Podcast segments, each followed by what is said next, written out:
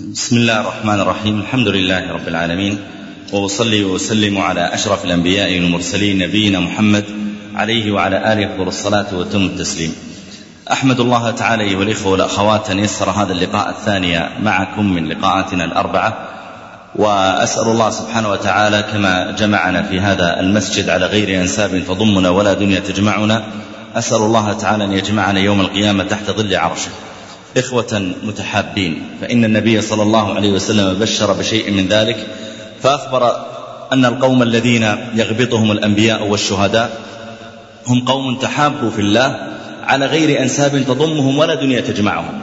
إنما تحابوا في الله تعالى فاستحقوا أن يجتمعوا تحت ظل عرش الرحمن يوم القيامة. فكذلك نرجو أن تكون نياتنا كذلك. يعني ما أظن أن أحدا منكم جاء لأجل دنيا يصيبها أو امرأة ينكحها إنما أقبل لأجل أن يستمع إلى الذكر وإلى الخير ولأجل أن يزداد اقتداء بحبيبنا ومهجة قلوبنا وحبيب نفوسنا رسول الله محمد صلى الله عليه وسلم.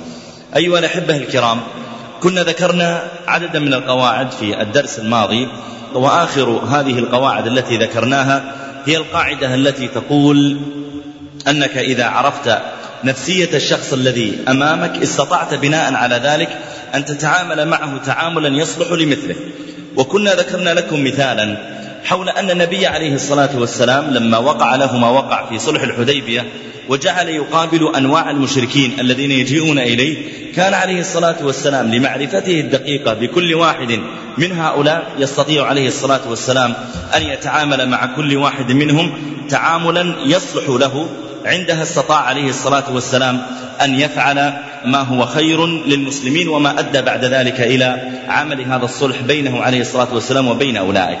من ذلك أيضا أنه عليه الصلاة والسلام لما نقضت قريش العهد أعني عهد صلح الحديبية وساعدت من ساعدت من الكفار على المسلمين وأقبل النبي صلى الله عليه وسلم بالكتائب لأجل أن يغزو مكة. نزل النبي صلى الله عليه وسلم قريبا من مكة. وكان عليه الصلاة والسلام قد دعا الله تعالى فقال اللهم عمي خبرنا عليهم حتى يباغتهم لأجل أن ينتصر المسلمون في هذه المباغتة ولأجل أن لا يستعد الكافرون للقتال فتقع مقتلة عظيمة. فهو عليه الصلاة والسلام ابتداء يريد أن يفتح مكة بكل هدوء بأقل عدد من الخسائر بين الفريقين. فلا يريد أن يقع حرب مع ثقته عليه الصلاة والسلام بنصر ربه عز وجل ومع ثقته أيضا بقوة أصحابه الذين معه لكن لا يريد أن تقع مقتلة بينه وبين قريش. فلما نزل قريبا من مكة عليه الصلاة والسلام خرج أبو سفيان مع بعض أصحابه ينظر في ظلمة الليل. خرج ينظر يمينا ويسارا وكان قد أحس بشيء لكنه لم يعلم أن جيش المؤمنين قد وصل إلى مكة. فجعل ينظر من بعيد فإذا عدد كبير من النيران مشعلة وحول كل نار منها قوم مجتمعون. فقال لأصحابه من هؤلاء؟ من هؤلاء اللي طالعين للبر فجأة. من هؤلاء؟ قالوا لعلهم خزاعة. خزاعة كانوا كفارا لكن لهم ميول إلى المسلمين. وكانت قريش قد أعانت بكر ضد خزاعة. فقال قومه لعلهم خزاعة. قال خزاعة أقل وأحقر من ذلك. خزاعة ما يشعلون هذه النيران الكثيرة فعددهم أقل وقوتهم أضعف فجعل يقترب حتى قبضت عليه بعض آه، فرق المؤمنين وأقبلوا به إلى النبي عليه الصلاة والسلام. في الصباح حصلت قصة بين أبي سفيان وبين النبي عليه الصلاة والسلام ثم أقبل به العباس في الصباح إلى النبي صلى الله عليه وسلم وأسلم أبو سفيان بين يدي النبي صلى الله عليه وسلم. لكن الإسلام لم يتمكن حقيقة التمكن من قلبه. رجل الآن مقبوض عليه مأسور بين يدي المسلمين وأمام قائدهم وملكهم رسول الله عليه الصلاة والسلام قال نعم أشهد أن لا إله إلا الله وأنك رسول الله. فأراد النبي صلى الله عليه وسلم أن يأمر الجيش أن يبدأ في الهجوم على مكة. لكنه شعر أن أبا سفيان لا يزال يحتاج إلى زيادة إيمان. ويعلم أن أبا سفيان هذا الذي الآن أظهر الإسلام بين يديه أنه رجل غير عادي عند المشركين. أبو سفيان هو الذي استنفر المشركين للخروج لقتال المسلمين في معركة بدر. وهو الذي قادهم في القتال في معركة أحد. وهو الذي قادهم للقتال في معركة الخندق. إذا يعلم النبي عليه الصلاة والسلام أنه الآن أمام رجل غير عادي. ليس أمام أي رجل من الكفار لا أمام رجل يعرف القتال يعرف المقاتلين له خبرة طويلة في القتال. رجل تؤثر فيه القوة إذا رآها. فأراد صلى الله عليه وسلم أن يتعامل مع أبي سفيان كما يتعامل مع الرجل القائد. أراد أن يظهر لأبي سفيان قوة المؤمنين. حتى يعلم أن هذه القوة ليست من فعل النبي عليه الصلاة والسلام إنما هي قوة وفق الله تعالى إليها المؤمنين لما أطاعوه وتمسكوا بعهده. قال عليه الصلاة والسلام للعباس. يا عباس أوقف أبا سفيان عند خطم الجبل.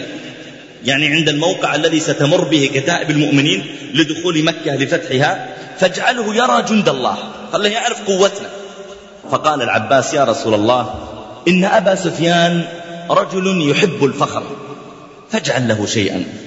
رجل يحب أن يفتخر عند قومه ولا يريد تأتي فتح مكة هكذا من غير ما يكون له شأن. يعني يصبح من عامة الناس لا. قل له كلمة اجعل له شيئا. فقال عليه الصلاة والسلام نادوا في الناس. من دخل دار أبي سفيان فهو آمن. ومن أغلق عليه بابه فهو آمن. ومن دخل المسجد الحرام فهو آمن. سمعها أبو سفيان وهو ماشي. وفرح. إذا أنا الآن من دخل داري فهو آمن. طيب ما هو أصلا؟ الناس لن يقبلوا إلى دارك ستكفي أهل مكة كلهم. يعني الناس سيغلقون عليهم بيوتهم. لكن هذه فيها نوع من الجاه والمنصب والعزة له. مضى به العباس ثم أوقفه عند خطم الجبل فجعل كتائب المؤمنين تمر بأبي سفيان وهي داخلة إلى جهة مكة. فمرت به كتيبة من الكتائب على خيولهم وعلى إبلهم وقد لبسوا الحديد. فقال أبو سفيان للعباس قال من هؤلاء؟ قال هؤلاء سليم قبيلة سليم. قال ما لي ولسليم يعني ما بيني وبينهم حرب أساسا. فمضت سليم ودخلت. ثم مرت كتيبة أخرى. قال من هؤلاء؟ قال هؤلاء مزينة. قال ما لي ولمزينة. فمضت وجعلت الكتيبة تلو الكتيبة تمر ناس ورجال ومعهم السيوف والرماح. حرب ثم مرت كتيبة خضراء عليهم الحديد. يعني قد لبس أحدهم المغفر على رأسه والدرع على جسده ومعه السيف. وإذا هم لا يرى منهم إلا الحدق إلا أطراف عيونهم قد ظهرت من المغفر ولا كل شيء حديد. وإذا في وسطهم رسول الله صلى الله عليه وسلم هذه الكتيبة الخاصة. فقال من هؤلاء؟ قال هذه كتيبة رسول الله صلى الله عليه وسلم هذه الكتيبة الخضراء مع رسول الله صلى الله عليه وسلم من المهاجرين والأنصار. فقال أبو سفيان وهو الذي شهد الحروب وعرف المقاتلين وسبر أغوارها جعل ينظر إليهم ثم قال هذا والله الموت الأحمر. هذه مهب كتيبة هذا موت أحمر يمشي بين يدي. هذا والله الموت الأحمر. أتنظر يا عباس؟ والله ما لأحد بهؤلاء من قبل ولا طاقة ولا آدم يقدر يقف أمام هؤلاء. ثم التفت أبو سفيان إلى بقية الكتائب ثم قال يا عباس لقد أصبح ملك ابن أخيك عظيما. فقال له العباس يا أبا سفيان هذا ليس ملكا إنها النبوة. أنت متى تفهم؟ ما هو بملك عادي. هذه نبوة الله تعالى يؤيده لأنه نبي. قال يا أبا سفيان هذا ليس ملكا إنها النبوة. فقال أبو سفيان فنعم إذا وسكت وجعل ينظر إلى هالخيل أمامه ونسي قومه ونسي أن يدخل إلى مكة يحذرهم. طيب أنت الآن معك رسالة إلى قومك. من أغلق بابه فهو آمن من دخل المسجد الحرام فهو آمن من دخل دار أبي سفيان فهو آمن. عجل أنذر قومك قبل أن تقبض عليهم الكتائب في وسط الطرقات. نسي قومه وجعل ينظر إلى الكتائب التي بين يديه. فالتفت إليه العباس لما رأى الرجل غافلا عما يستقبله. قال له يا أبا سفيان أدرك قومك. قال ها نعم. فمضى يجري حتى دخل مكة وجعل يصيح بالناس. ماذا قال؟ ما قال من أغلق بابه ولا قال من دخل المسجد الحرام؟ لا. جعل يصيح ويقول أيها الناس هذه الكتائب جاءت. حرب فمن دخل دار أبي سفيان فهو آمن. قال الناس قاتلك الله وما تغني عنا دارك. دارك تكفي مين ولا تطلع مين؟ قال وما تغني عنا دارك. قال ومن أغلق عليه بابه فهو آمن ومن دخل المسجد الحرام فهو آمن. عندها تفرق الناس إلى بيوتهم وأغلقوا عليهم أبوابهم ومضى بعضهم إلى المسجد. إذا أنت عندما تتعامل مع الناس إذا عرفت طبيعة الشخص الذي أمامك استطعت أن تتعامل معه تعاملا يصلح له. أعطيك مثالا على ذلك. نفرض يا جماعة أن مدرسا دخل إلى طلابه فقال يلا يا شباب كل واحد يخرج ورقة وقلما. قالوا لماذا يا أستاذ؟ قال والله عندكم اختبار. يدرسهم رياضيات مثلا. قال عندكم اختبار. قالوا يا أستاذ نحن في الصف الثالث ثانوي وبالأمس اختبرنا فيزياء وقبل كيمياء ولم نستعد للاختبار. قال هذا اختبار مفاجئ. النظام يسمح. يلا بسرعة كل واحد يخرج ورقة وقلما. فبدأوا يتأففون فقال يلا بسرعة. فقام طالب في آخر الفصل. هذا الطالب معروف أنه شديد الغضب. كل يوم بينه وبين أحد المدرسين مشكلة وعند خروجهم في آخر الدوام كل يوم يتضارب مع طالب طالبين وربما وصلت إلى إدارة المدرسة أو إلى الشرطة. قام هالطالب وقال يا أستاذ على كيفك؟ تختبرنا قال نعم على كيفي. قال لا ما هو على كيفي. قال إلا بلى على كيفي. قال إحنا اللي بننجح. قال لا إلا بترسب أنت وأشكالك. وجعل يقترب منه. وهالطالب يشد الشعرة والمدرس يشد الشعرة. ما الذي سيحصل؟ في الغالب أنه سيحصل شجار. ثم مضاربة. وفي غالب الأحيان أيضا من اللي يغلب في المضاربة في المواقف؟ في الغالب الطالب يعني غالبا. لأنه متعود كل يوم هوشة بينه وبين زملائه فهو متدرب أساسا. والمدرس ربما لم يتضارب من يوم أنه في سادس ابتدائي. وفي غالب الأحيان سوف ينضرب المدرس. وربما يخرج واحد من الطلاب هاتفه الجوال ويصور أيضا الموقف. وغالبا ما الذي سيحصل على الطالب؟ يعني قد ينقل إلى مدرسة أخرى أو يكتب عليه تعهد والمدرس سوف يحرج وربما يصور ويفضح في المدرسة ويتحدث عنه المدرسون وربما أيضا يؤرخ المدرسون بضربه. إذا قالوا لواحد منهم متى تعينت في المدرسة؟ قال والله ما أدري بس السنة اللي انضرب فيها. فلان فلان بالله متى انضرب؟ فيعني فضيحة عليه. لكن لو أنه عرف كيف يتعامل مع هذا الطالب الغضوب. فلما قال الطالب ما نريد نختبر؟ قال خير إن شاء الله. طيب أعصابي ما تريد تختبر؟ قال لا ما نبغى. قال طيب خلاص. لا تختبر. السؤال الأول يا شباب قال أقول لك ما نبغى نختبر. طيب أنا قلت لك اختبر. خلاص لا تختبر لا تختبر. السؤال الأول يا شباب سين زائد صاد يساوي وأبد أذكر الأسئلة. طيب أنت الآن جعلت الطالب أمام أحد اختيارين إما أن يخرج ورقة وقلم وهو غضبان ويبدأ يكتب الأسئلة ويختبر أو أن لا يختبر. وإذا لم يختبر ماذا تفعل؟ ضع له صفر وانتهينا. أما ترفع ضغطك وتصرخ عليه وأنت تعلم أنك تشد الشعر وهو يشدها حتى تنقطع لابد مع الغضوب أن تكون هادئا تمتص غضبه. امرأة تتعامل مع زوجها وهو غضوب. مرة واحد من الشباب تزوج وطلق زوجته بعدها بشهر أو شهرين ثم جاء يستفتي. طيب لماذا طلقتها؟ قال والله يا شيخ وقع بيني وبينها مشكلة وطلقتها بعد ذلك. طيب يا أخي أضبط أعصابك أعرف كيف تتكلم مع زوجتك هذا زواج ليس لعبا بعدها بثلاثة أشهر أو أربعة جاء وإذا هو قد طلقها الطلقة الثانية. يا فلان الله يهديك أنت ما أنت بعاقل ليش ما تمسك أعصابك؟ قال يا شيخ هي أثارتني وما أدري إيش. قلنا له طيب انتبه ترى التلتة تبتع على ما قال أخواننا المصريين. يعني إذا طلقتها ثالثة خلاص لا تحل لك حتى تنكح رجلا غيرك. فجاء بعد ذلك وقد طلقها ثالثة. فكنت أنصحها أقول لك كيف طيب أن تتساهل بهذا؟ قال يا شيخ والله لو أنك مكاني نطلق جدتها. قلت ليش؟ قال يا أخي حصل بيني وبينها مشكلة. وغضبت وبدأت أصرخ بها يعني غضب عليها. أنت ما تفهمين إلى متى أعلمك؟ فثار غضبها هي أيضا. بدأت تقول لا ما شاء الله خليت الفهم لك خليت الذكاء لك يا, يا ذكي زمانه. لا لا أحسن طلقني. إن كانك رجال طلقني. إذا فيك خير طلقني. يلا ورنا رجولتك. طلع رجولتك. طلقني. أتحداك تطلقني يقولوا تقرب مني. بالله مش تبغاني أسوي يا شيخ. والمشكلة أنها طلقت. ثم بدأت بعد ذلك تبكي عند أهلها. وتتتبع المشايخ تبحث عن عمن يفتيها بالرجوع إليه. وأني كنت في فترة الحيض وفي حديث ابن عمر. طيب أصلا أنت لماذا لم تضبطي أعصابك من البداية؟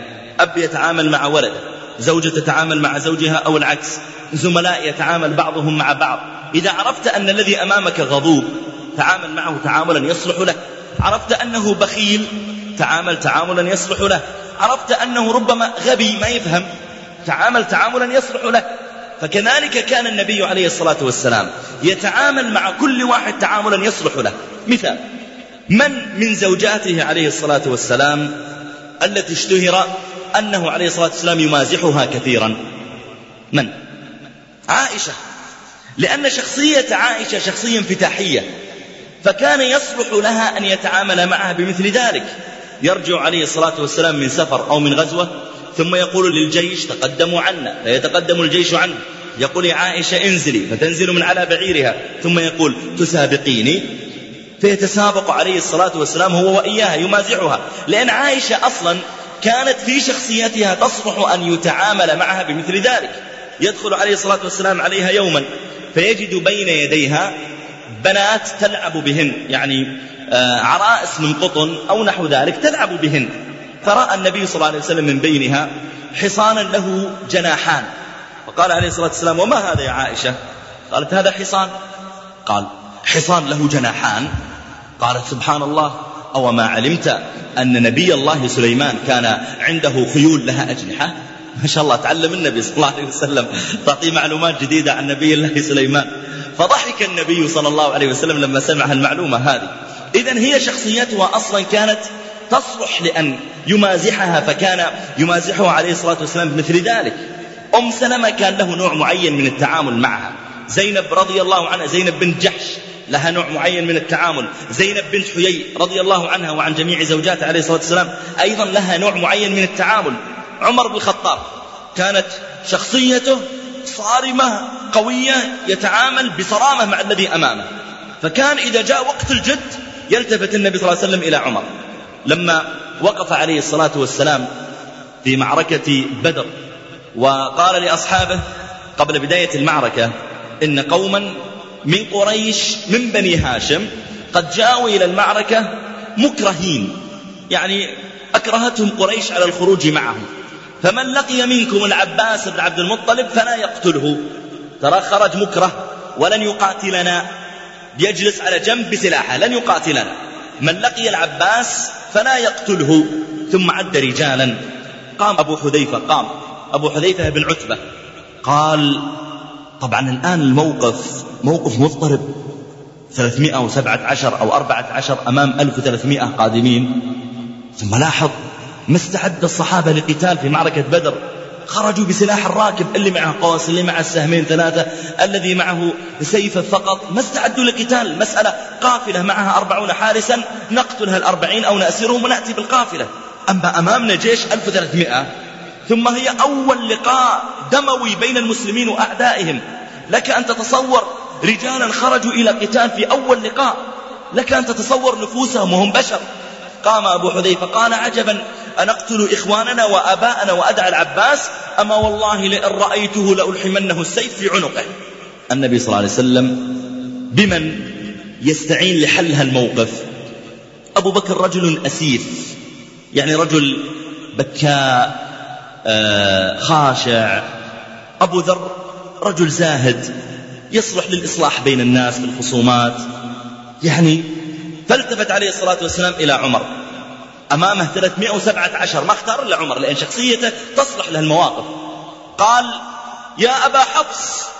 يقول عمر هي أول مرة يكنيني فيها النبي صلى الله عليه وسلم. دائما يناديني تعال يا عمر اذهب يا عمر. اليوم قال يا أبا حفص. قال يا أبا حفص. أيضرب وجه عم رسول الله صلى الله عليه وسلم بالسيف؟ قام عمر وأخذ السيف. والتفت إلى أبي حذيفة. قال يا رسول الله دعني أضرب عنقه. طبعا عمر يعلم أننا الآن في ساحة قتال. أي اختلاف مع القائد مشكلة ولا لا؟ لو سكتنا عن أبي حذيفة بيقفز لنا واحد ثاني ويقول طيب كيف نقاتل ونحن غير مستعدين؟ لا تفتح الباب. يقفز واحد ثالث يقول طيب أنا ما معي سيف كيف بقاتل؟ يقفز واحد رابع طيب نحن ما معنا إلا ثمانية دروع أعطوني درع ولا ماني بداخل المعركة؟ الأمر يحتاج إلى قطع الصوت من البداية. مثل ما قالوا قالوا كان عنتر ما هو بقوي كثير. قالوا طيب كيف انتشر وكيف خاف الناس منه؟ قالوا كان إذا رأى ثمانية أو عشرة رجال يختار أضعفهم ثم يضرب حتى يلقمه التراب فيخاف الباقون. فهو مثل ما قال الله فشرد بهم من خلفهم. فعمر يعلم أن المسألة الآن نحن في ساحة قتال. كونك تفتح المجال لأجل كل واحد عنده رأي يبدأ يعترض على القائد هم كلهم 317 لو خرج من بينهم عشرة آراء لتفرقوا. قال يا رسول الله دعني أضرب عنقه. فسكت النبي صلى الله عليه وسلم والتفت إلى أبي حذيفة. كان هذا التهديد كافيا لأن يسكت البقية ممن عندهم آراء أخرى مع أنهم صالحون. والله تعالى قد اطلع على أهل بدر فقال اعملوا ما شئتم فقد غفرت لكم. والنبي صلى الله عليه وسلم لما سأله جبريل قال يا محمد ما تعدون أهل بدر فيكم؟ قال عليه الصلاة والسلام هم خيارنا. فقال جبريل وكذلك من شهد بدرا من الملائكة هم خيارنا. يقول أبو حذيفة رضي الله عنه فوالله ما زلت خائفا من الكلمة التي قلتها بين يدي النبي عليه الصلاة والسلام. يخاف مع أنه مجرد رأي يخاف. يقول ولا أرى تكفرها عني إلا الشهادة. فقتل رضي الله تعالى عنه بعد ذلك في سبيل الله ولعله إن شاء الله يكتب شهيدا مع الشهداء. إذا أنت عندما تتعامل تجد أنك أيضا حتى لما تتعامل مع أولادك بعض أولادك يصلح أنك يعني لو ذهب أحد أولادك لأجل أن مثلا لو جاءك اتصال من المستشفى وقالوا لك أنت أبو فلان قلت نعم. قال والله أحد أولادك صار له حادث وهو عندنا لعلك أن تأتي. فأردت أن تختار أحد أولادك ليذهب معك. ستختار الذي عنده تحمل الذي عنده قوة في ضبط عاطفته لكن لن تختار من هو سريع الدمعة سريع الانهيار شديد الصراخ. لا فإذا كنت تعرف أولادك واحدا واحدا ستختار المناسب منهم لأجل أن يذهب معك. وكذلك عند تعاملك مع الناس. بعض الناس ما يحب النكت. لماذا تنكت أمامه؟ بعض الناس ما يحب المزح لا تمزح معه. بعض الناس بخيل ما يصلح تقول له يا فلان ادفع قطة. تحرجه لما تقول له الكلام. ولا ولا يعني آه، تنكت عليه أحيانا ما تعزمنا ما دخلنا محل. لا تحرجه بمثل ذلك. ما دام أنك تعرف من طبيعته أنه يتصف بهذه الصفة لأجل أن يحبك الناس تعامل مع كل واحد منهم بالأسلوب الذي يصلح له.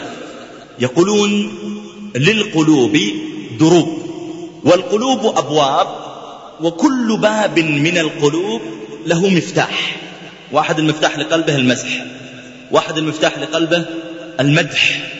واحد المفتاح إلى قلبه مثلا الهدية. واحد المفتاح إلى قلب فكل إنسان له مفتاح إلى قلبه. إذا عرفت المفتاح المناسب للباب المناسب استطعت أن تصل إلى قلوب الناس. القاعدة الرابعة. الاهتمام بالآخرين.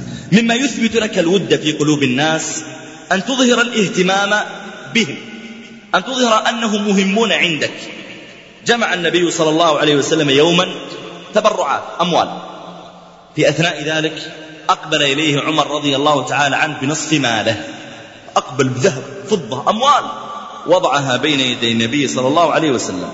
طبعا النبي عليه الصلاة والسلام أساسا ما جمع هذه الأموال إلا مضطرا. وإلا لو عنده أموال في بيت مال المسلمين ما احتاج أن يقول يا ناس تبرعوا.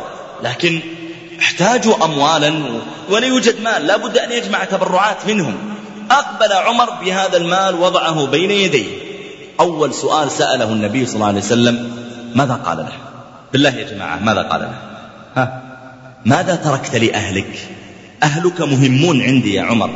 لا تظن أني ما أفكر إلا في نفسي أو ما أفكر إلا في قضية جمع مال ورفع كربة عن المسلمين لا. كما أن زوجتك وأولادك هم مهمون عندك كذلك هم مهمون عندي. ابنتك هي ابنتي و وزوجتك هي أختي و... وابنك هو ابني. جوعهم جوع لي وعطشهم عطشي وعريهم عريي. يشعر عمر الآن أنه واقف أمام رجل ليس رجلا انتهازيا.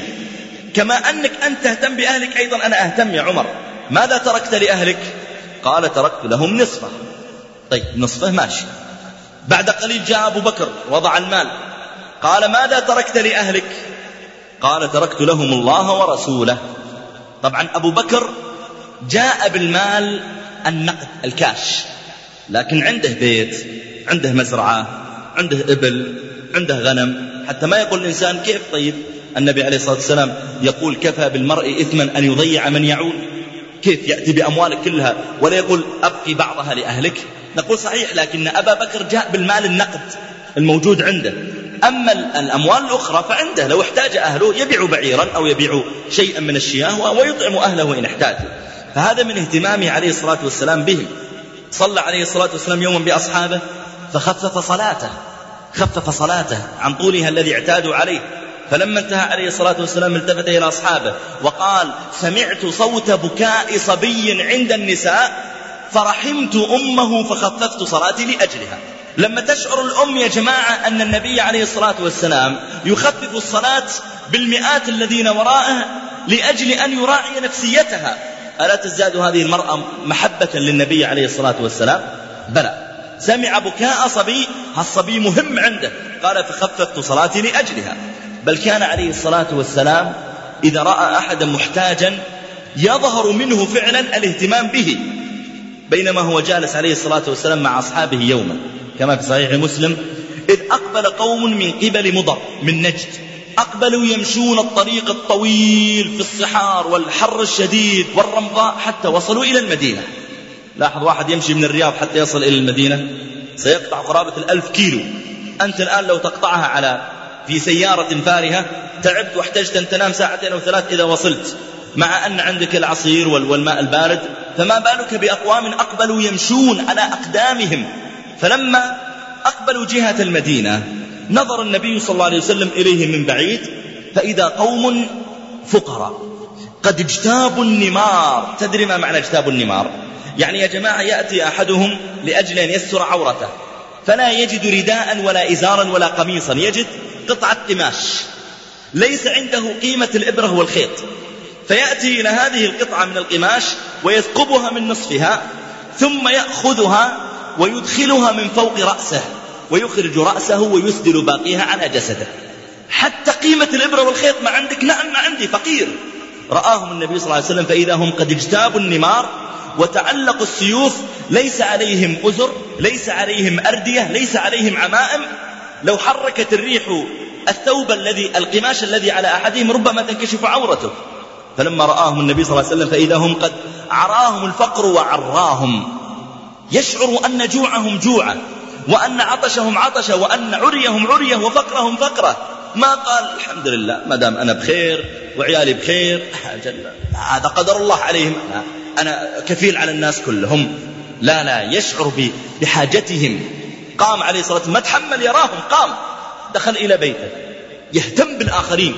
فلا تلومهم على محبتهم له ولا تلومهم مما يقول أنس لما دخل النبي صلى الله عليه وسلم إلى المدينة مهاجرا إليها أسفرت الدنيا كلها. فلما مات أظلمت الدنيا كلها. أنهم فعلا استطاع عليه الصلاة والسلام أن يأسر قلوبهم بتعامله معهم إضافة إلى ما جعل الله تعالى في قلوبهم من المحبة له لأنه نبي عليه الصلاة والسلام. دخل إلى البيت الأول. نظر يمين يسار ما وجد شيئا. طلع دخل إلى البيت الثاني ما في شيء. يبحث تمر ثياب نعل أي شيء. ممكن يباع ممكن يتصدق به لم يجد شيئا. دخل إلى البيت الثالث فالرابع فالخامس فالسادس فالسابع فالثامن فالتاسع ولا شيء. فقام صلى الله عليه وسلم على المنبر. بدأ بنفسه ما وجد شيئا قام على المنبر.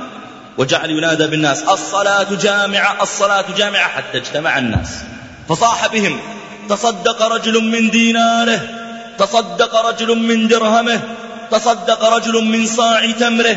تصدق رجل من صاع بره. تصدق رجل من ثوبه. تصدق رجل من نعله. يقول الراوي فجعل يعدد حتى قال تصدق رجل ولو بشق تمرة. يعني إذا ما عندك إلا تمرة واحدة لا تأكلها. شقها نصفين وتصدق بنصفها وكل نصفها. فجعل الناس يجمعون. قام رجل بصرة في يده وكان أول متصدقين. قام رجل بصرة في يده فيها ذهب ومال. كادت يده أن تعجز عنها من ثقلها وجعل يرفعها يرفعها حتى أوصلها إلى المنبر. إلى رسول الله عليه الصلاة والسلام. من, من ثقلها ما يكاد يستطيع أن يحملها ذهب وفضة. فلما رآها النبي عليه الصلاة والسلام أخذها وتهلل وجهه وسر. وكان عليه الصلاة والسلام إذا سر استنار وجهه حتى كأنه فلقة من قمر. يقول الصحابة إذا فرح عرفنا أنه فرحان ينير وجهه عليه الصلاة والسلام. ونسأل الله أن يرزقنا قبلة على ذاك الجبين المبارك في جنات النعيم. آمين. ثم جعل الناس ينطلقون إلى بيوتهم. هذا يحضر ثيابا هذا يحضر طعاما. يقول حتى رأيت بين يدي النبي صلى الله عليه وسلم كومين. كوما من ثياب وكوما من طعام قال ثم نزل النبي صلى الله عليه وسلم فقسمه في الناس. هذا من اهتمامه من اهتمامه بالآخرين. من ذلك أن امرأة سوداء كانت تقم المسجد. تدخل النبي صلى الله عليه وسلم يحدث أصحابه. تدخل المرأة إلى المسجد قد جمعت عليها ثيابها وتجمع. هذا شيء واقع على الأرض هذا تجمع تقم المسجد وتخرج. ففقدها النبي صلى الله عليه وسلم العادة يراها كل يوم كل يومين يراها تدخل تجمع وتخرج. جزاها الله خير. ففقدها. يوم يومين ثلاثة ما جاءت. قال لأصحابه أين المرأة السوداء التي كانت تقم المسجد؟ ترى الذي غاب ليس أبو بكر ولا عمر ولا عثمان ولا علي. الذي غاب هو امرأة سوداء من يعني عدم اهتمام الناس بها أن اسمها لم يحفظ في الحديث حتى اسمها لم يذكر. قال وين؟ هذه مهمة عندي. أين المرأة السوداء التي كانت تقم المسجد؟ قال واحد من الصحابة يا رسول الله هذه ماتت. الله يغفر لها ماتت. قال ماتت؟ قال ماتت. طيب هل كنتم آذنتموني؟ كيف تموت ما تخبروني أنها ماتت؟ طيب أنا أصلي عليها أنا لما ما أذنتموني؟ قالوا يا رسول الله ماتت بليل. فكرهنا أن نوقظك؟ ماتت بالليل الله يغفر لها. والصحابة غسلوها وكفنوها وصلوا عليها ودفنوها. أنهوا الموضوع بالليل. يعني كرهوا أن يوقظوا النبي صلى الله عليه وسلم في ظلمة الليل. تعال صلي على إحنا أنهينا الوضع. فقال صلى الله عليه وسلم دلوني على قبرها. هذه امرأة مهمة عندي. هذه كانت تقوم بعمل جليل في الإسلام. أنا أعده جليل وين عده الناس حقيرا لا يلتفت إليه. إيش كانت تسوي؟ يعني تدخل المسجد كل يوم كل يومين تجمع لها بعض الأشياء؟ والله لو أنها فتحت فارس والروم لا هي عملها جليل. لأن هذا هذا اللي تقدر تقدمه للإسلام هي أساسا. هذا الذي تستطيع أن تقدمه للإسلام فعلته. ولو كانت تستطيع أن تفتح فارس والروم لفعلت. لكن هذا اللي أستطيع أن أقدمه فما دام أنها لا تستطيع أن تقدم أعظم من ذلك إذا هي امرأة قدمت أعظم ما تستطيع عليه. مثل ما ذكروا أن أحد الملوك بنى مسجدا وأثناء بناء المسجد أمر ألا يتبرع أحد بشيء أبدا لهذا المسجد ولا واحد يتبرع للمسجد بشيء. وقد جعل اسمه كبيرا على بوابة المسجد وهو يبنى. فنام ليلة من الليالي فرأى كأن ملكا ينزل من السماء ويمسح اسمه ويضع اسم امرأة. أصبح الصبح ذهب وتأكد فإذا اسمه لا يزال على المسجد. فلما كانت الليلة الثانية رأى المنظر نفسه. فقام ونظر فإذا اسمه لا يزال. نام في الليلة الثالثة فإذا المنظر نفسه إذا بالملك ينزل من السماء ويمسح اسمه ويضع اسم امرأة. فقام وقد حفظ اسم المرأة. وأمر الناس بالتنقيب عنها يمينا ويسارا ولو تحت الأرض حتى يحضروها بين يديه. فما هي إلا ساعات حتى أحضرت المرأة بين يديه. عجوز مسكينة فقيرة. قال ما اسمك؟ قالت أنا فلانة بنت فلان. فإذا هو نفس الاسم الذي يراه يكتب على المسجد. قال أنت تبرعت بشيء للمسجد قالت لا والله أنا أصلا مسكينة ما عندي شيء أتبرع به. وتنتفض بين يديه. قال ماذا فعلت للمسجد؟ قالت ما فعلت شيئا. قال ماذا قدمت؟ ماذا فعلت؟ قالت مررت يوما. فرأيت أحد الخيول التي يحمل عليها اللبن. يحملون اللبن يعني الحجارة التي يبنى بها المسجد على خيل. فرأيت خيلا قد أرهقه العطش. فملت إلى بئر قريبة. وعبأت دلوا بالماء وأقبلت به إلى هذا الخيل فشرب ثم أعدت الدلو إلى مكانه ومضيت. فقال لها بهذا استحقيت أن يكون اسمك على المسجد. هو فعل الأمر لغير الله. أراد الشهرة والظهور بدليل أنه وضع اسمه على المسجد والمسجد لا يزال في مرحلة البناء حتى يشتهر أكثر. والمرأة فعلت الأمر لله وحده لا شريك له. وفعلت أعظم ما يمكنها ما عندها مال. وليست في ملك هذا الرجل تبني مسجدا كاملا لكنها أسقت خيلا تعبدا لله تعالى لما كان هذا الخيل يشارك في بناء المسجد. فكذلك هذه المرأة التي اهتم النبي صلى الله عليه وسلم بها أنت عندما تظهر الاهتمام بالآخرين يحبوك. مثال مثلا في أيام الاختبارات. في أيام الاختبارات مرة من المرات في الاختبارات الماضية أعرف بعض الناس ابنه أو ابنته في الصف الثالث الثانوي. الناس عادة إذا كان عندهم يعني أحد يدرس في الثالث ثانوي يكون البيت فيه نوع استنفار الأب يحرصه ذاكر ذاكر والأم تفعل ذلك وربما جاءوا إليه بمدرسين ودفعوا أموالا لأجل ذلك وكل يوم يسألونها كيف الاختبار تعال نراجع معك الورقة. في نوع اهتمام لأنها في الغالب تحدد مستقبله بعد ذلك في الجامعة. فأعرف ثلاثة أو أربعة من الأقارب أبنائهم في ثالث ثانوي. في أثناء الاختبارات بعدما مضى من الاختبارات ثلاثة أيام أو أربعة أقبل إلى جهاز الجوال وكتبت رسالة. السلام عليكم. أرجو أن تكون اختبارات الابن موفقة فإننا نحب له الخير ولم أنسه من الدعاء. وأرسل هالرسالة إلى الثلاثة والأربعة الذين أعرفهم قد يعني اهتموا بأبنائهم لك أن تتخيل أنك في مكان الأب أو الأم التي وصلت أو الذي وصل إليه تلك الرسالة. ثم فإذا الناس يرسلون إليك رسائل عادية وإذا هذا فلان يرسل إليك أنه ما نسي ولدك وأن مهتم بولدك كاهتمامك به. ألا تشعر بنوع محبة لهذا المرسل؟ بلى. وأذكر أني في مرة أخرى أيضا بعدما انتهيت من العمرة رجعت إلى استأجرت فندقا ووضعت رأسي لأنام. فما جاءني النوم فأخرجت الجوال وكتبت رسالة. الآن انتهيت من العمرة وقد دعوت لأحبابي وأنت منهم فأسأل الله أن يستجيب ما دعونا لك.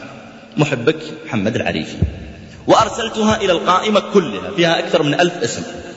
طيب أنت هل تتصور أني أطوف الجوال بيدي وأقول واغفر وفلان واغفر لفلان؟ ها؟ لا لكن اغفر المسلمين والمسلمات وأحبابي وأصحابي ويدخل فيهم كل من أرسلت إليهم لكن لما تصل الرسالة إلى أولئك لك أن تتخيل عظم الأمر عندهم. واحد يرسل لي والله يا أبو عبد الرحمن أني أبكي وأنا أرد عليك. جزاك الله خير أنك ما نسيتني. واحد أرسل لي من غد قال والله أني من أمس يا أخي أدور عبارة لطيفة بس أكافئك بها. واحد رآني بعدها بشهرين في مدينة أخرى سلمت عليه. قال ترى رسالتك التي أرسلتها لي قبل كذا والله جزاك الله خير مؤثرة فيني إلى الآن.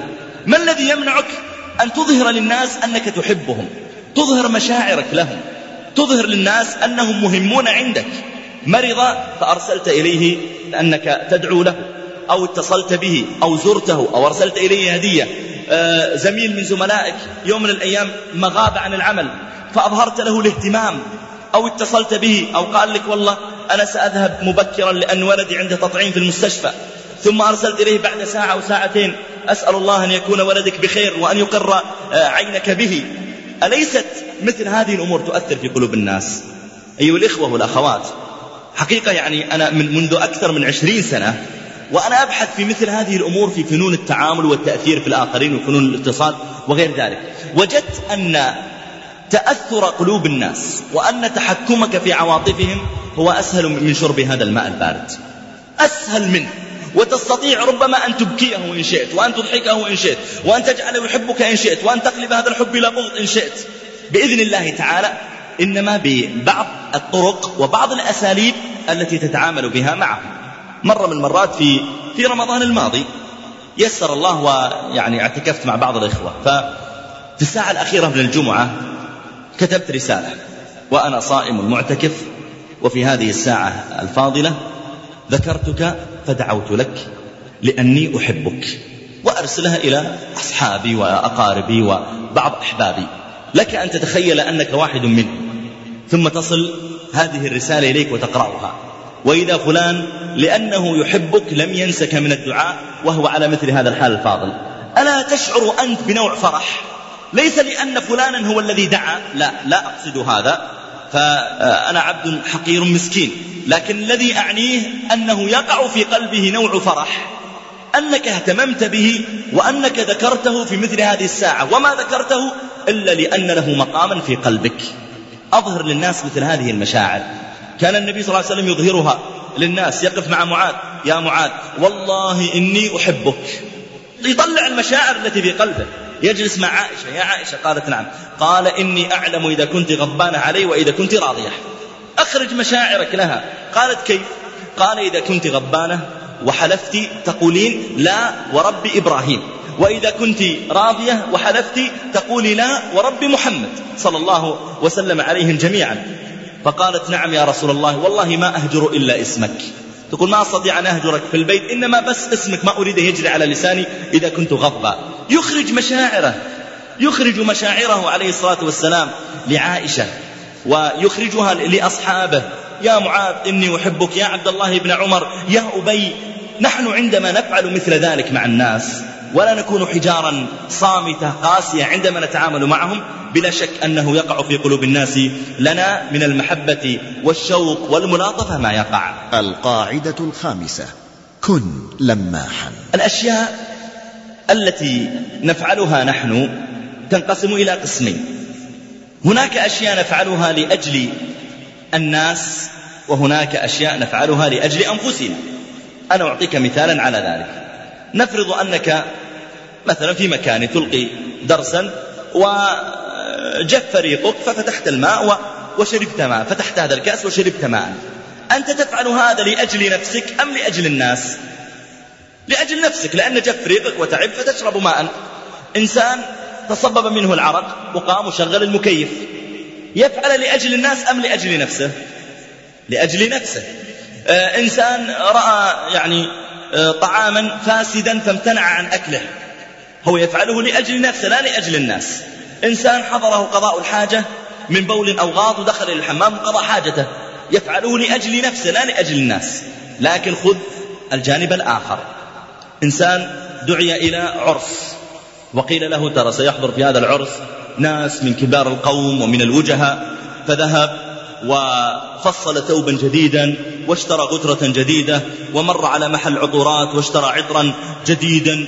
آه، طيب الرائحة ثم تطيب ولبس أحسن ثيابه ولمع حذاءه ثم ذهب إلى هذا العرس. السؤال هو يفعل ذلك لأجل نفسه أم لأجل نظر الناس إليه؟ أجيب لأجل نظر الناس إليه. صح بدليل أن إذا أراد أن يدخل الحمام ما يشخص وإذا أراد أن ينام ما يشخص. لكنه يعني يجعل نفسه جميلا لأجل أن ينظر الناس إليه. إذا ما دام أنه فعل هذا لأجل نظر الناس إليه فمن المناسب أن تظهر له أنك لاحظت التعب الذي تعبه. بمعنى لو أنه يسلم على الناس ثم جاء وسلم عليك وأن تسلم عليه قلت ما شاء الله وش هالطيب الزين؟ يا أخي ما شاء الله يا أخي. تقول كأني أقبل الحجر الأسود. ألا يفرح؟ وهو يسمع هالعبارة يفرح ولا لا يا جماعة؟ يفرح. ويشعر أني فعلا تطيبت بطيب غالي لكن لاحظوه الناس. لاحظوا الناس أني أنا مطيب وأني تعبان على نفسي. سلمت على الثاني أو الثالث. وهو أن تسلم عليه. قال لك آه، مثلا يا أخي ما شاء الله إيش هذا الجمال؟ يا أخي غطيت على المعرس. ألا تشعر بفرح وأني فعلا غترتي جديدة وثوبي جديد. وحذائي جديد يلمع. لذلك الناس يقولون مثل هذه العبارات. وتجد أنه يفرح ويكون في قلبه محبة ورصيد لهذا الذي مدحه وأثنى عليه. لو ركبت مع صديقك في سيارته أول ما ركبت السيارة قلت ما شاء الله ما هذه النظافة؟ يا أخي نركب مع ناس في سياراتهم السيارة من من الخارج ومن الداخل وسخة وعلب مرمية يمين يسار ومناديل أنت ما شاء الله عليك أخي سيارتك نظيفة ومرتبة. ألا يشعر صاحبك وهو يسمع منك هذه الكلمات بنوع من البهجة والسرور؟ قلوا بلى. بلى يفرح بمثل ذلك. لو أن زوجتك مثلا سافرت أنت لمدة أسبوع فأقبلت هي إلى غرفة نومك وغيرت فيها بعض الأشياء كان السرير مثلا في وجه الداخل إلى الغرفة فغيرت السرير جعلته على جنب وأخذت دولاب الملابس ووضعته في الوجه وغيرت المفرش كان أحمر وجعلته أصفر الأنوار اللمبات الموجودة غيرتها إلى لون أخضر مثلا وطيبت الغرفة. فجئت أنت ودخلت إلى غرفة نومك. هي ماذا تنتظر منك أن تقول؟ ماذا تنتظر؟ ما شاء الله ما هذا التجديد؟ والله كأنها غرفة نوم جديدة. ما شاء الله وغيرت اللمبات ما شاء الله والترتيب هذا أحلى من السابق. قل كلمتين يا أخي. لكن لو دخلت وأنت يعني يغالبك النوم وأقبلت تمشي ما تدري عن اللي حولك متوجه إلى السرير كما تذكر أنه في الوجه. ثم أن تمشي ثلاث أربع خطوات ما ما شعرت إلا والدولاب يضرب في أنفك. أوه وين السرير؟ قالت السرير وراء جيت ولفيت وحطيت راسك ونمت. ما تنقهر زوجتك. تقول يا أخي طيب عطني رأيك. إيش رأيك في الترتيب الجديد؟ إيش رأيك في المفرش الجديد؟ إيش رأيك في يا أخي انطق يا أخي تفاعل. ولو أنها طبخت طعاما لذيذا. دائما الطعام تضع لك رز وفوقه دجاج وإذا تحمست ذاك اليوم حمرت الدجاجة من فوق. بس ذاك اليوم لا دجاج مقطع وأحضرت قطع بطاطس وكوسة وقطعتها بشكل معين ووضعتها يمين ويسار على الدجاج. واضح أنها غيرت عن السابق ثم أقبلت ووضعت الطعام بين يديك. غالبا المرأة تضع الطعام وتقف. صح ولا لا؟ إيش تنتظر؟ تنتظر الحساب؟ ها؟ هي زوجتك حاسب مين؟ تنتظر تسمع يا أخي فليسعد النطق إن لم يسعد الحالب. تنتظر أنك تقول ما شاء الله. ما هذه الحركات اليوم؟ وما شاء الله والدجاج اليوم شكل جديد والكوسة تسلم هاليدين يا فلانة الله يكثر خيرك. والله تعبتي نفسك اليوم. تنتظر يا أخي كلمتين حلوات. كل ما حن كل ما حن عندما تتعامل مع الناس. كان النبي عليه الصلاة والسلام يحرص على مثل هذه الأمور. لما هاجر الصحابة من مكة إلى المدينة وصلوا إليها إلى المدينة هم كانوا في مكة آه، تجارا ممكنين لكنهم سافروا إلى المدينة فقراء معدمين ما عندهم شيء. فلما رأى النبي عليه الصلاة والسلام هذه النازلة وقوم أقبلوا ليس معهم شيء كحل سريع للمشكلة آخى بين المهاجرين والأنصار. تعال يا فلان أنت أخ لفلان. يأكل مما تأكل ويشرب مما تشرب ويلبس مما تلبس ويسكن معك. وأنت يا فلان أخ لفلان. كحل سريع لمدة أشهر حتى بعد ذلك وسع الله على المسلمين. آخى بين عبد الرحمن بن عوف وبين سعد بن الربيع. أقبل سعد بن الربيع إلى عبد الرحمن بن عوف. قال يا عبد الرحمن قال نعم. قال إني أكثر أهل المدينة مالا. فتعال إلى مالي أقسمه نصفين. تأخذ نصفه وأنا أخذ نصفه. ثم عرض عليه أن يزوجه. خشي أنه يخطب يمين ويسار ولا أحد يزوجه عرض عليه يدبر له زوجه. فقال له عبد الرحمن بارك الله لك في نفسك وأهلك ومالك. جزاك الله خير ولا قصرت لكن دلني على السوق. السوق؟ أنت ما معك ولا درهم تذهب إلى السوق. دلني على السوق. طيب السوق اذهب يمينا يسارا أمام خلف تجد السوق. ذهب عبد الرحمن يمشي حتى وصل ودخل السوق. دبر نفسه مع بعض التجار. هو صحيح ليس معه مال. لكن عنده خبرة تجارية وقدرة على التسويق. ورجل أوتي منطقا ولسانا هو تاجر في مكة أساسا. فأقبل وجعل يأخذ من بعض التجار بالآجل ويبيع البضاعة حالة ثم يسددهم. مضى عليه أسبوعان أو ثلاثة ثم جمع مالا وصار عنده بضاعة وزاد المال فتزوج. ثم ذهب إلى النبي عليه الصلاة والسلام. يقول فلما أقبلت إلى رسول الله صلى الله عليه وسلم رأى على ثوبي أثر ودع زعفران يعني أثر طيب نسائي. ودائما الإنسان إذا كان حديث عهد بعرس في الغالب أنه يظهر عليه علامات ولا لا؟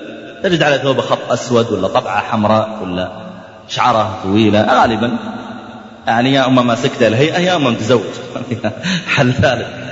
فلما رأى النبي صلى الله عليه وسلم على عبد الرحمن أثر ودع زعفران هو لماح ويبحث عن الأشياء التي إنجازات فعلها الناس ليدخل السرور إلى قلوبهم.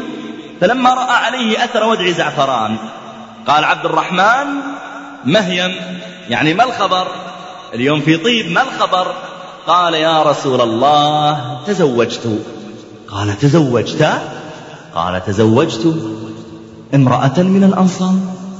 قال فما أصدقتها؟ من أين أتيت بالصداق؟ المهر. قال أصدقتها وزن نواة من ذهب. نواة التي داخل التمرة. وزنها من ذهب أعطى هذا الصداق. قال وأعطيتها وزن نواة من ذهب. فابتهج النبي عليه الصلاة والسلام وفرح قال أولم اعمل وليمة نفرح معك. أولم. ولو بشاة ولو أن تذبح شاة وتدعونا إليها ففعل عبد الرحمن رضي الله عنه ذلك. هذا اللمح الذي يلمحه النبي صلى الله عليه وسلم عندما يتعامل مع الناس يجعل هؤلاء الناس يفرحون عند لقياه عليه الصلاة والسلام يفرحون به ويبتهجون. كذلك أنت لو دخلت مثلا دعاك أحد أنت لو دعوت مجموعة من جيرانك ومنذ دعوتهم على العشاء ومن الصباح وأمك وزوجتك وأخواتك يعني يعملون في المطبخ. هذه تعمل سمبوسة وهذه تعمل المحشي وهذه على المرقوق وهذه على القرصان وهذه على الرز وهذه على الدجاج. كل واحدة يعني استنفار في البيت. ثم وضعت هذه المائدة بأنواع اللذائذ والأطعمة. فدخل الجيران على الطعام وجلس. واحد منهم ذكي وعنده فن تعامل. فلما جلس أبو أحمد مثلا هذا اسمه قال ما شاء الله. ما هذا الطعام اللذيذ ما والله يا أخي يا ليتني مجوع نفسي من ثلاث أو أربعة أيام. يا ليتني ما تغديت ولا أفطرت. ما شاء الله. الواحد والله يا فلان الله يسلم إيدين اللي صنعوه. ما شاء الله. واحد والله ما يدري ياكل من هالمحشي ولا من هالقرصان ولا من هالمرقوق ولا من هالرز. الله يوفقكم. ويجزاكم خير. بسم الله وبدأ يأكل.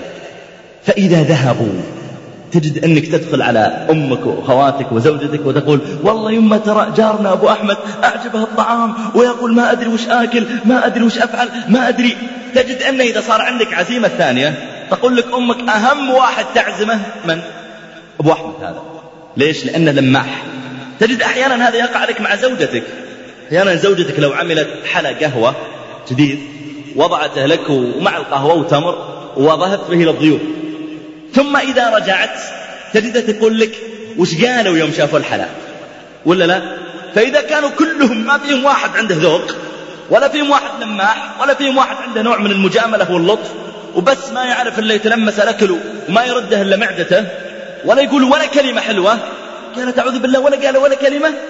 قلت لا والله بس شوف الصحن الحسوك كله ما خلوا شيء. طيب يا أخي ولا كلمة قالوا ولا عبارة ولا. هذه المشكلة. أن بعضنا أحيانا لا يكون لماحا. كن لماحا دائما. حتى مع أمك. خذوها واجب اليوم وأحضروه بكرة. أريدك اليوم إذا رجعت تأتي إلى أمك. كن لماحا لطريقة تصفيفها لشعرها. ما بيتصفيف هي فرقة يعني. لكن كن لماحا لها. قل يمه ما شاء الله وش الشعر الزين وش الثوب الزين اليوم ما شاء الله الوجه ما شاء الله زين. وعطها من هالكلمات اللطيفة. كن لماحا مع زوجتك. مع أخواتك الليلة إذا وضع لك العشاء. كن لماحا لو, لو في الشاهي. ما شاء الله وش الشاهي الحلو ما شاء الله تسلم هاليد.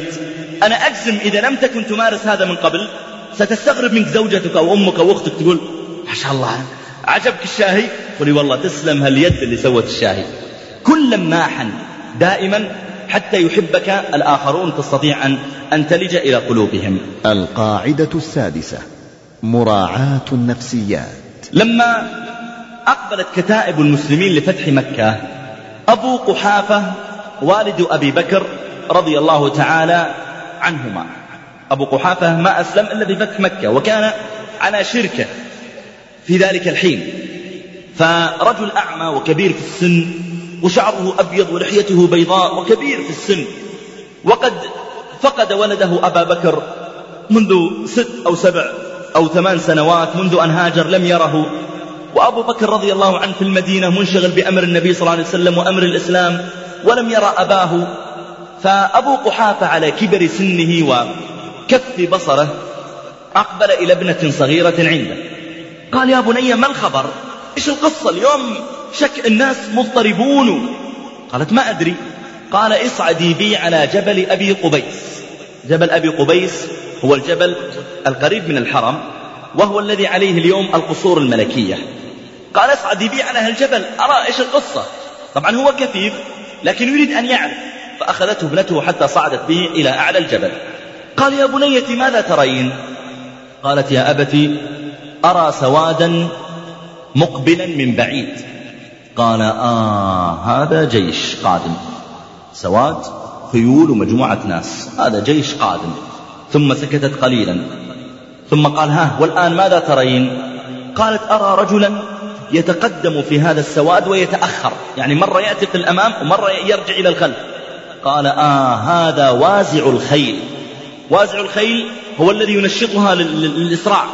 يأتي إلى الأمام ويقول بسرعة تقدموا عطلت اللي وراءكم ثم يرجع وراء يقول بسرعة بسرعة ترى حتى ما تتفرقوا عن اللي أمامكم أركض بسرعة تحرك هذا وازع الخيل. ثم سكت قليلا.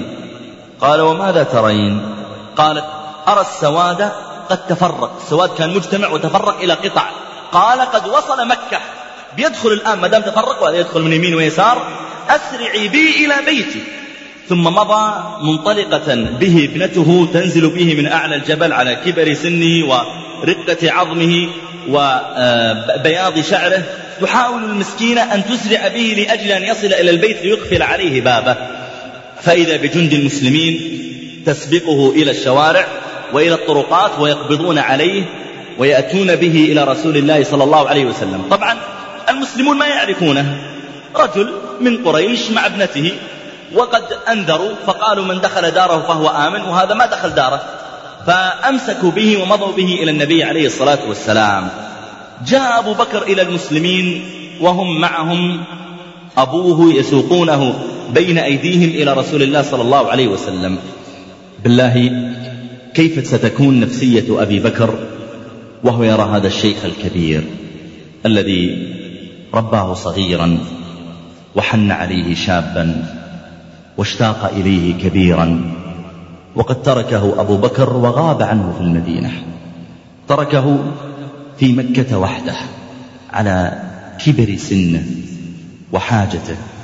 وليس بين يديه إلا هذه الطفلة التي يستعين بها في قضاء حاجاته. رآه أبو بكر فاحتفى به وجعل يضم أباه إلى صدره ثم مضى به إلى النبي عليه الصلاة والسلام وأجلسه بين يديه. نظر النبي صلى الله عليه وسلم إلى أبي بكر ونظر إلى وجهه ونظر إلى هذا الشيخ الكبير الأعمى.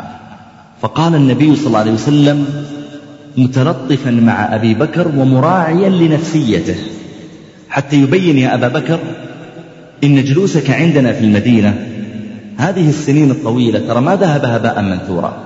أنت يا أبا بكر في قدرك عندي وجلالة منزلتك تختلف عن بقية الناس. فقال صلى الله عليه وسلم لأبي بكر يا أبا بكر لو أقررت الشيخ في بيته ما كلفت عليه يأتي إلينا. لو أقررت الشيخ وتركته في بيته وأكون أنا الذي أذهب إليه. يا أبا بكر هذا أبوك. يختلف عن أي أب آخر. هذا أبو أبي بكر. يختلف عن أي واحد. يا أبا بكر لماذا كلفت عليه أن يأتي؟ المفروض يا أبا بكر تترك في بيته مرتاح وأنا النبي بنفسي أذهب إليه في بيته. تقديرا لك يا أبا بكر ولأبيك. فقال أبو بكر لا يا رسول الله. هذه الكلمات فعلا عالجت نفسية أبي بكر. شعر أن أبي الآن أنا أعوضه مما وجد خلالها السبع أو الثمان سنوات من الفراق بيني وبينه. الآن أنا أعوضه فصار له قدر في الإسلام. قال لا يا رسول الله بل هو حق أن يمشي إليك من أن تمشي إليه أنت. طبعا أبو بكر يدري أن النبي عليه الصلاة والسلام لا يمكن يذهب إلى والد أبي بكر. يعني هو لهالدرجة فارغ. الآن نحن نفتح مكة وجيش يقود خالد كتيبة يقودها خالد وكتيبة مع سعد بن أبي وقاص وكتيبة يمين وكتيبة يسار. والنبي صلى الله عليه وسلم قائد أعلى للجيش. هل هو متفرغ أن يذهب إلى شيخ كبير في بيته لأجل أن يجلس معه ويدعوه إلى الإسلام؟ والصحابة يبدأون يبحثون في البيوت وين القائد الأعلى نستشيره؟ فأبو بكر يعلم أصلا أن النبي صلى الله عليه وسلم لو فعل هذا لكان متكلفا الفعل أكثر من الطاقة. فيقول لا يا رسول الله يعني كأنه يقول أشكرك على لطفك وعلى أدبك يا رسول الله لكن أنت نبي وهو رجل عادي من عامة الناس وهو حق أن يأتي إليك. ثم اقترب النبي صلى الله عليه وسلم من أبي قحافة. انظر إلى المراعاة لنفسية أبي بكر. اقترب من أبي قحافة. ثم مسح على صدره. قال أسلم أسلم. وقال أبو قحافة رضي الله عنه أشهد أن لا إله إلا الله وأنك رسول الله. فانتفض أبو بكر ما يدري هو يبكي هو يضحك هو يكبر. أبوه الآن بعدما كبرت سنه وربما اقتربت منيته يدخل في الإسلام الآن. فجعل أبو بكر ينتفض وينظر إلى النبي صلى الله عليه وسلم وإلى أبيه. فإذا النبي عليه الصلاة والسلام يهتم ليس فقط بإسلام والد أبي بكر لا بل حتى يهتم بمظهره وشكله. ويقول غيروا هذا الشيب بشيء. يعني أصلحوا شكله أكثر ليكون أجمل. غيروا هذا الشيب بشيء وجنبوه السواد أو قال ولا تقربوه سوادا. يعني اعملوا له خضاب صبغ للحيته ولرأسه لكن لا تخضبوه بالسواد. فكان في هذا الكلام الذي تكلم به النبي صلى الله عليه وسلم مع أبي بكر لأجل والده فيه نوع مراعاة نفسية أبي بكر. خذ موقفا آخر. أيضا في أثناء دخولهم إلى مكة. تعلمون ما وقع من اضطراب لأهل مكة. فقد دخلت عليهم جيوش المسلمين فجأة ولم يكونوا يشعرون أو يعلمون بمجيء أهل الإسلام أصلا إليهم. فلما دخل النبي صلى الله عليه وسلم كان يدفع الرايات إلى عدد من أصحابه. طبعا كل صحابي يأخذ راية من هذه الرايات. يعتبر هذا له عز وشرف. أن يختار من بين الناس ويجعل قائدا على قوم على كتيبة والراية بيده اذهبوا يمين اذهبوا يسار ويطيعونه. فجعل عليه الصلاة والسلام راية عظمى مع سعد بن عبادة. سعد بن عبادة ليس من المهاجرين سعد بن عبادة من الأنصار أصلا. وأعطاه النبي صلى الله عليه وسلم الراية ودخل سعد. سعد الآن يدخل إلى بلد قد كذبوا نبيه وأخرجوه من بينهم. ولما هاجر جعلوا الجوائز لمن يحضره حيا أو ميتا. وكانوا يلقون سل الجزور والقاذورات على رأسه عليه الصلاة والسلام وهو ساجد.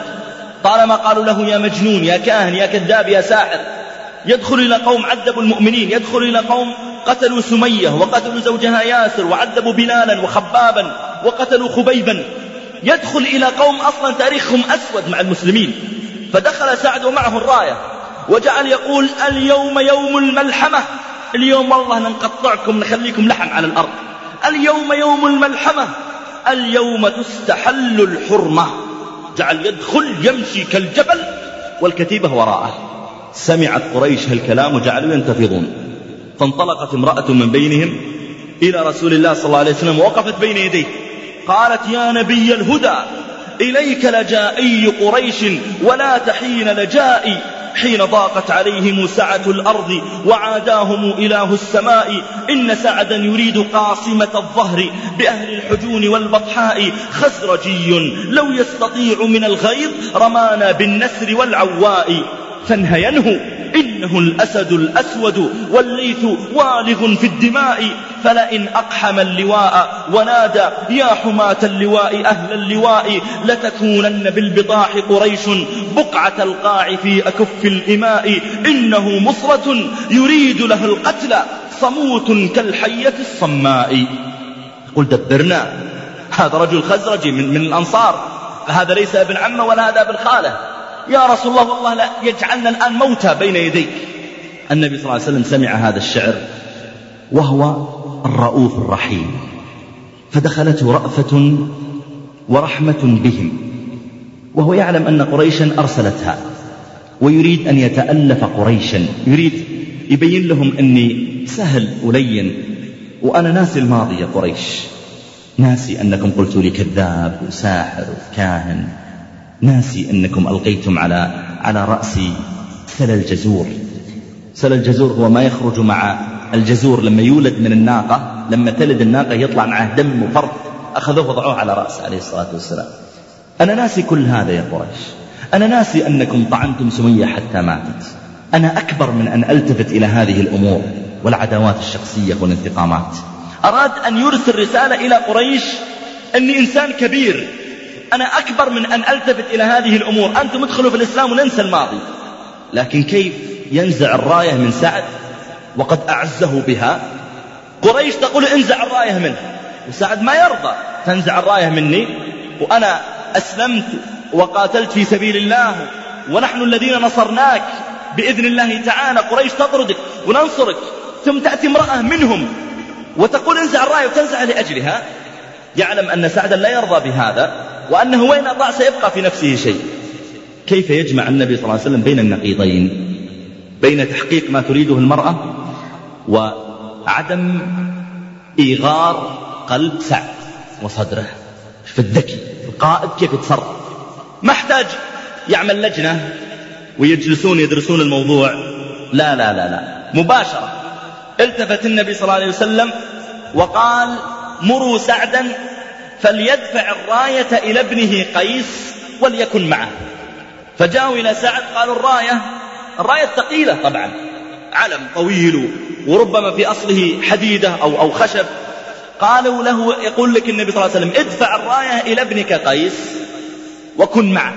يعني في الحقيقة يا سعد أنت القائد لكن نحن نريحك من حملها يحملها ابنك.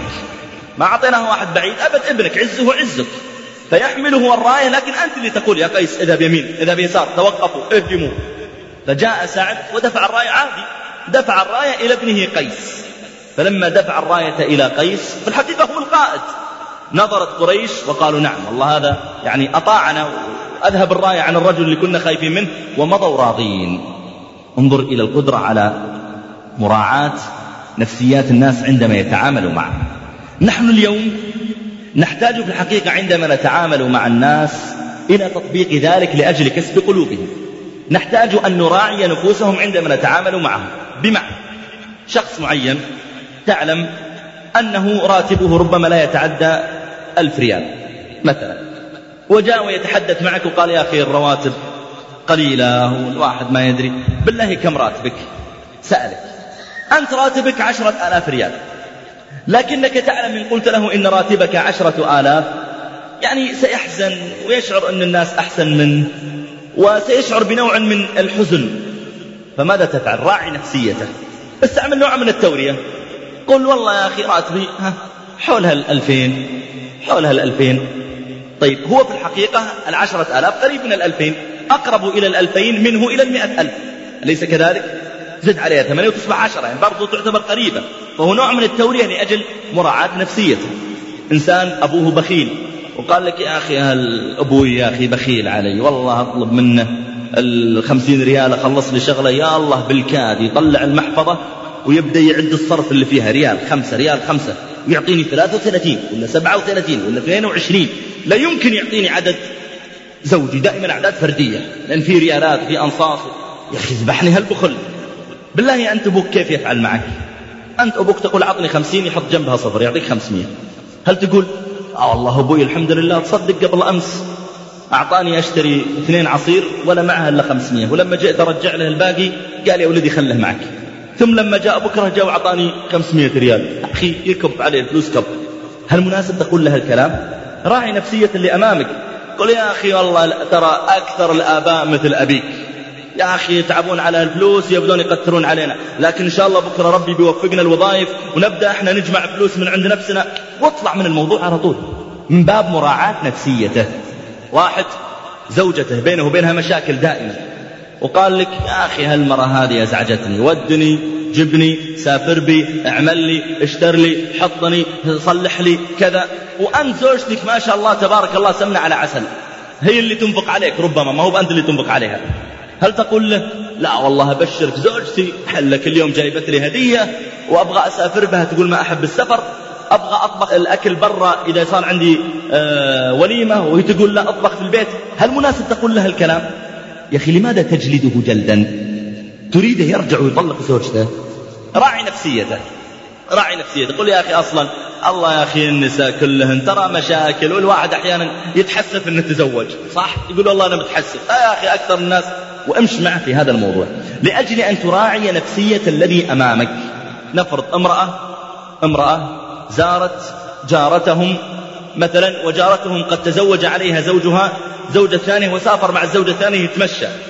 ودخلت هذه المرأة على الجارة تزورها. هل مناسب هذه الزائرة تقول لتلك المكلومة الحزينة بزواج زوجها عليها؟ هل مناسب تقول لها والله أبو فلان ما قصر أمس ودانا نتعشى برا وقبل أمس كنت أشتري ثوب بمية ريال وحلف وخذ أبو خمسمية وقبل أمس تفاجأت والله جايب لي هدية ساعة بألفين ريال و... لماذا تميتينها موتات؟ لماذا تقتلينها يا أخي؟ إذا, إذا ذبحتم فأحسنوا الذبحة وإذا قتلتم فأحسنوا القتلة لماذا تعذبينها بمثل هالكلام؟ ما له داعي تسمعينها؟ يعني خلصت المواضيع ما بقى إلا أخبارك مع زوجك.